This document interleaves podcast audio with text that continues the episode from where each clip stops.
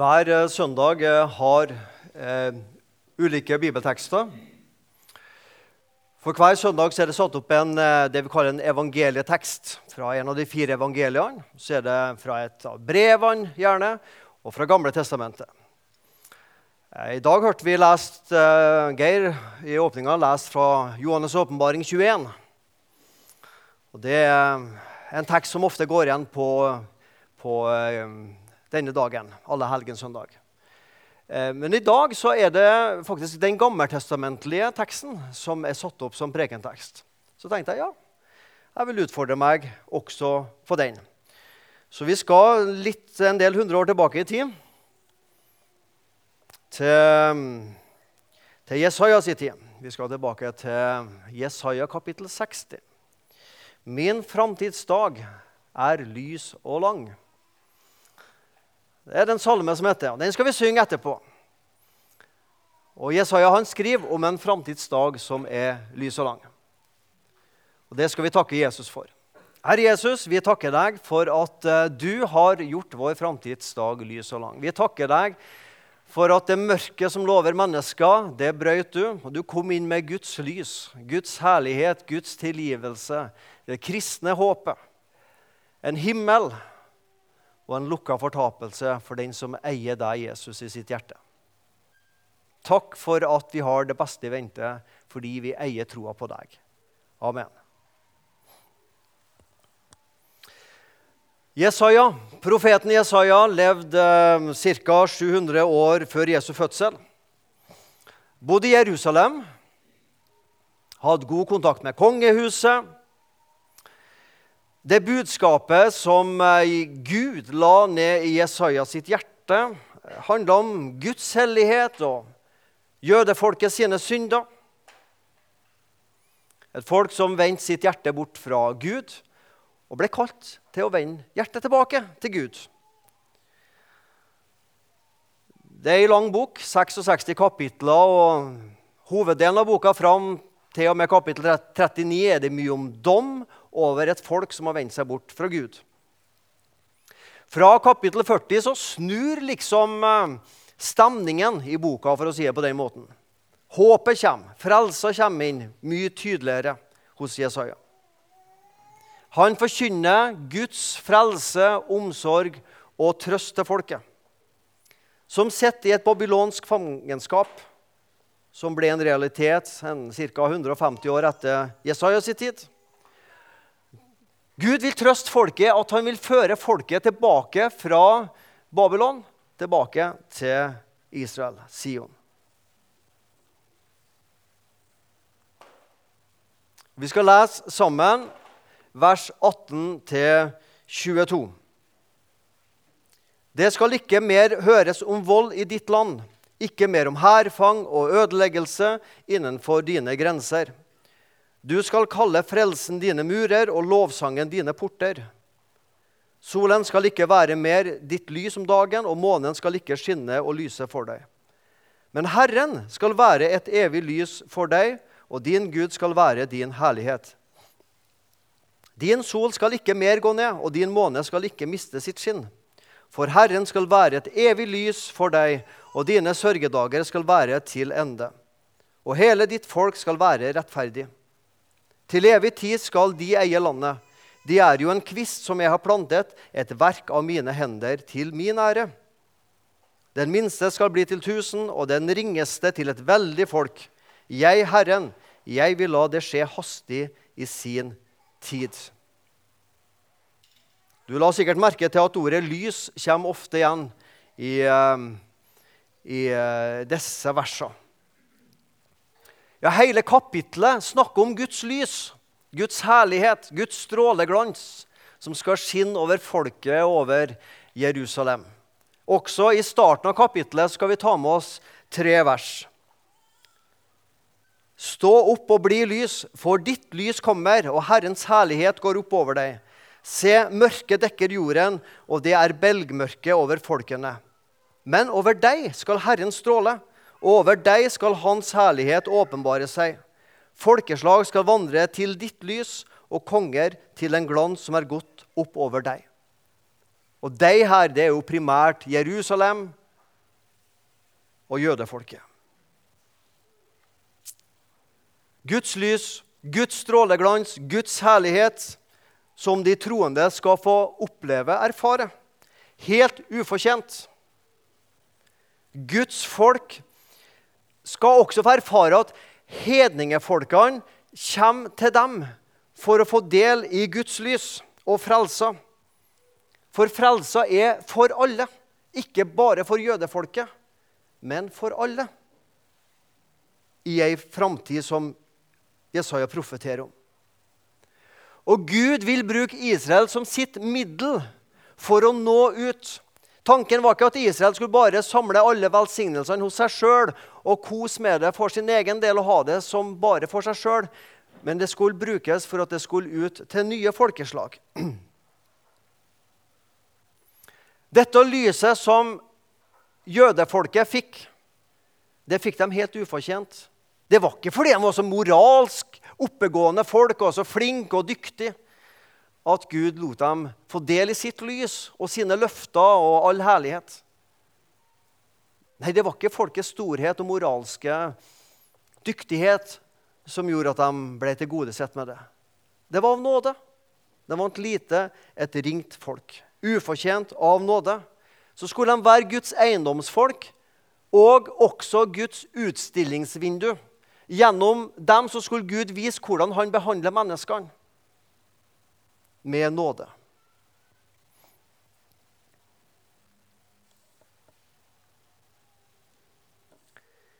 Når folket i fremtida kommer til å oppleve en fredstilstand, da skal det ikke mer høres om vold i ditt land, ikke om hærfang og ødeleggelse innenfor dine grenser.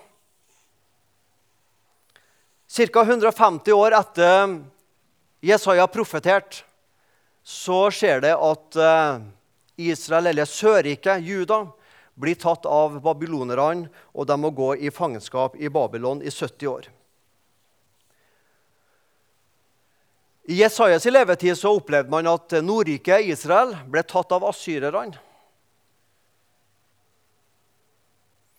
Israel levde under en konstant trussel fra nabolandene, filisterne og andre om å bli tatt. Og et lite folk ble etter hvert tatt av asyrere og babylonerne. Og så profeterer Jesaja at det kommer en ny tid. Midt i det mørkeste, når det virker som om håpet er ute. De er tatt bort fra sitt land, og det, det er liksom trist og mørkt på alle mulige måter. Så sier Jesaja det, det, det finnes et håp, det skal komme et lys. Guds herlighet skal komme tilbake. Det skal gå dere godt. Gud skal igjen ta seg av sitt folk. På nytt skal Gud ta seg av sitt folk. Dere skal igjen bli gjenreist til den posisjonen Gud har tenkt for dere. Et stort folk. Og så ble det et lite folk fordi at de ble bort fra sitt land og fordrevet. Men det skal snu. Det skal bli noe godt igjen, folkens. En ny tid. Du skal kalle frelsen dine murer og lovsangen dine porter. Snedig begrep. Du skal kalle frelsen dine murer og lovsangen dine porter. Murer rundt en by beskytter mot fienden. Frelse beskytter. Gud skal være en frelsende beskyttelse rundt folket sitt. Skal igjen ta seg av dem og beskytte dem. Lovsangen 'Dine porter' den syns jeg var litt vanskelig. Men En port var jo til av to hensikter. For det første var det å stenge den, sånn at ikke noen eh, inntrengere skulle trenge inn og gjøre vondt mot folket. Takk og lov at vi har en port som stenger igjen mot fienden. Og så takker de Gud for det. Men så tenker jeg også porten skal jo åpnes ut også. Liksom få lufta ut.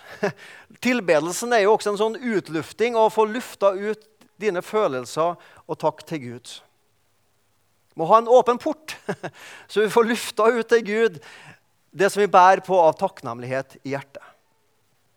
Må ikke stenge inn takken og tilbedelsen. Må lufte ut av og til.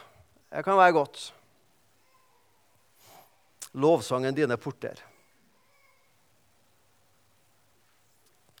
Dette er jo et poetisk språk. men som er sagt for, til trøst for et folk som sitter i fangenskap. Solen skal ikke, skal ikke, mer være ditt lys om dagen, og månen ikke skinne og lyse for deg. Det høres jo litt trist ut da, hvis sola slokkes. Det eh, høres ikke så veldig bra ut. da. Men Herren skal være et evig lys for deg, og din Gud skal være din herlighet. Din sol skal ikke mer gå ned, og din måne skal ikke mer miste sitt skinn. Det er jo Gud da, som er sol og måne. For Herren skal være et evig lys for deg, og dine sørgedager skal være til ende. Hm. Gud, eh, Jesaja profeterer om ei tid med håp og lys og glede som bare Gud vet når begynner. Det frelste folket skal få leve under Guds lys og herlighet. Og Guds lys er sterkere enn sol og måne.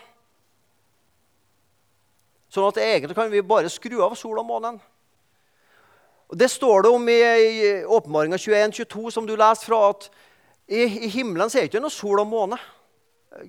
Gud er der. Gud er lyset. Vi trenger ikke noe sol og måne der. Vi Trenger ikke noe solkrem i himmelen. Blir ikke solbrent der.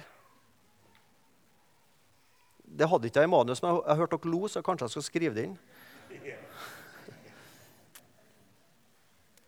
Vi kan tenke på israelsfolket som vandra i ørkenen i 40 år.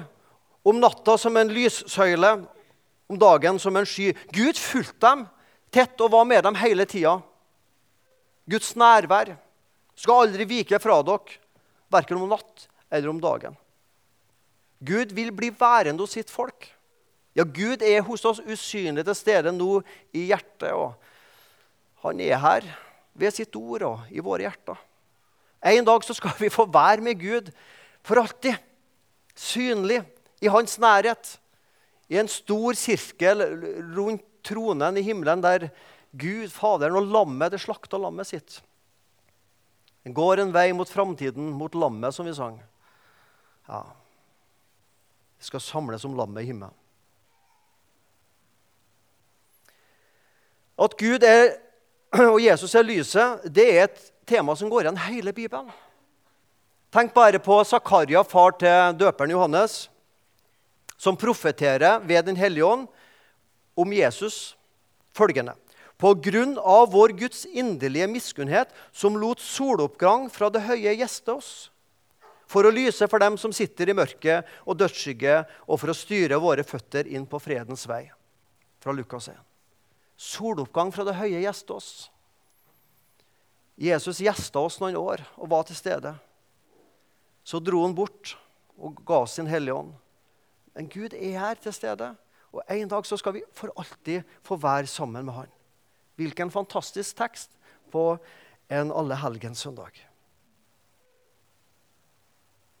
Israelsfolket i ørkenen så en synlig lyshøyle som et symbol på at Gud er nær. Jesaja profeterer om en tid hvor Guds lys og herlighet skal være hos folket og over folket. Som kristne i dag, og til alle tider, så kan ikke vi se Gud som ei lyssøyle, eller med våre øyne se Gud. Kan du ikke det? Samtidig er jo Gud like reell som på Moses tid, som på Jesajas tid, i dag. Men vi lever i tro. Og det viktigste i den kristne tro er jo usynlig. Synstilgivelse. Det kristne håpet. Barnekåret at vi er Guds barn. Og så videre. Frelsa. Det er jo usynlig. Vi kan jo ikke se på det ta på det. Vi kan føle at en glede ja, fordi vi har erfart og opplevd det. Men nettopp derfor vi lever i tro. Vi lever ikke i det synlige, men vi lever i tro. Men en dag, alt dette som er usynlig, så skal vi få erfare det og leve i det. Fullt og helt. 24 timer i døgnet. Det vil si, det er vel kanskje ikke noen klokke i himmelen, men for evig. Alltid.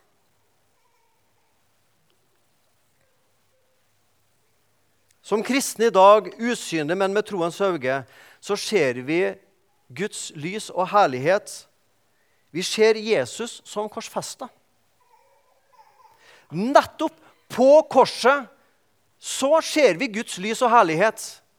Og Dette er jo et av kristendommens paradokser. Altså på Jesu mørkeste dag, langfredag, så kan vi se lyset og herligheten. Han er kronet med herlighet og ære, står det i Hebreerne 2,9. Kristus som korsfestet, kronet med herlighet og ære. Hva var det de så, de som sto rundt korset? Tenkte de Yes! Her er det Guds herlighet. Her er det Guds ære. Her er det synstilgivelse. Halleluja! Det er ingen som tenkte det da de sto rundt korset. Men vi, i troens øye i ettertid, vi som ser hva korset betyr, vi kan si her ser vi Guds lys og herlighet og ære på korset. Her ble Jesus krona med herlighet og ære.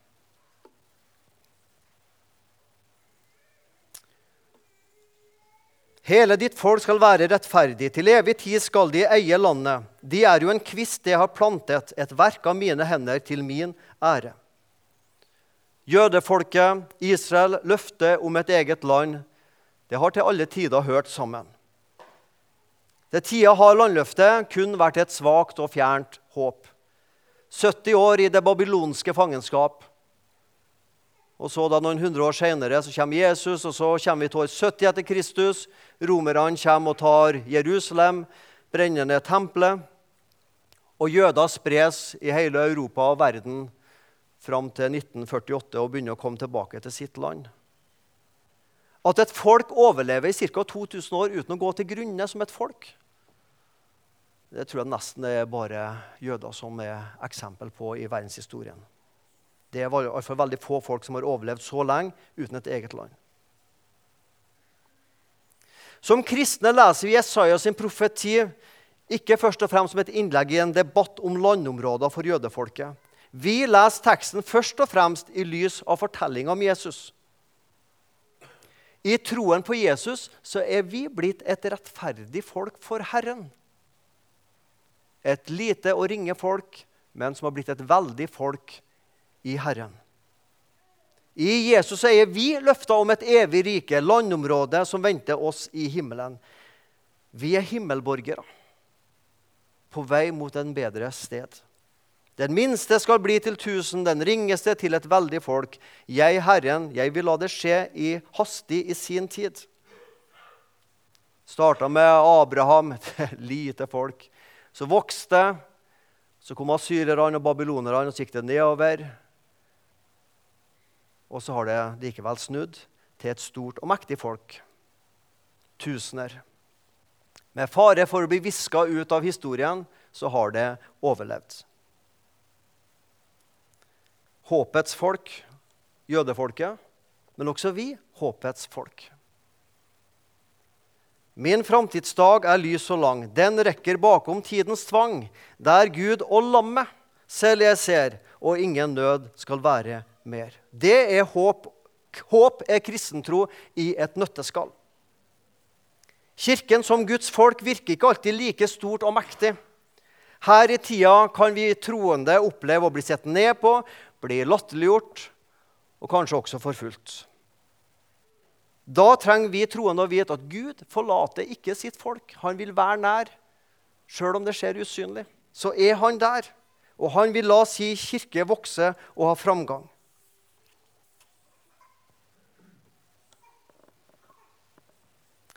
En mann våkna brått og brutalt. Det var ikke vekkerklokka som vekket han denne morgenen. Han hadde mareritt om natta. Svett på kroppen og med høy puls så satte han seg fort opp i senga. I drømmen så hadde han stått i en lang kø.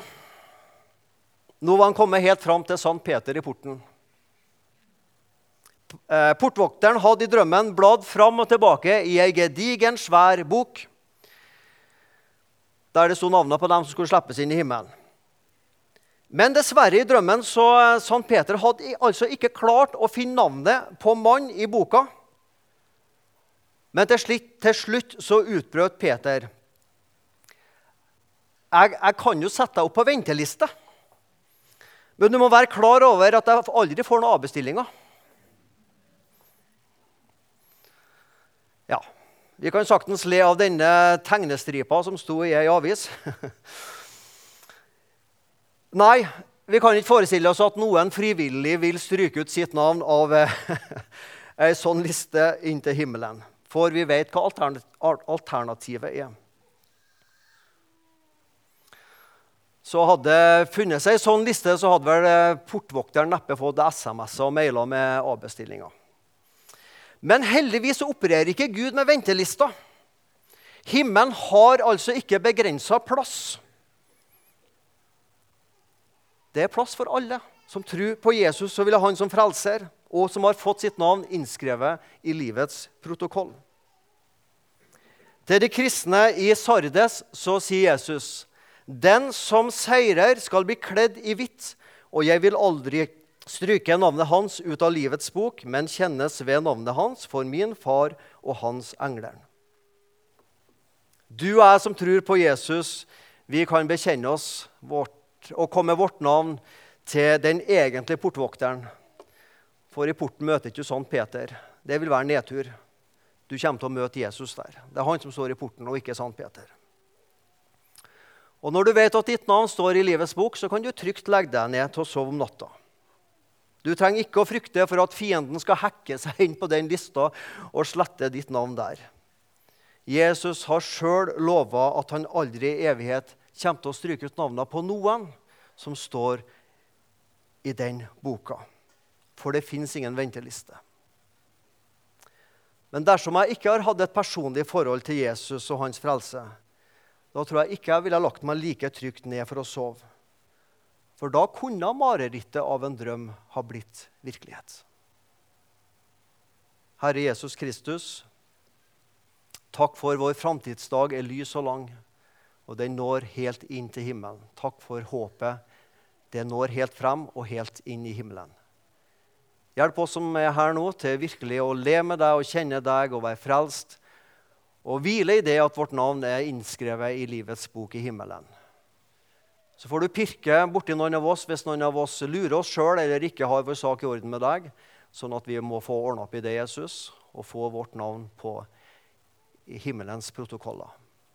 Amen.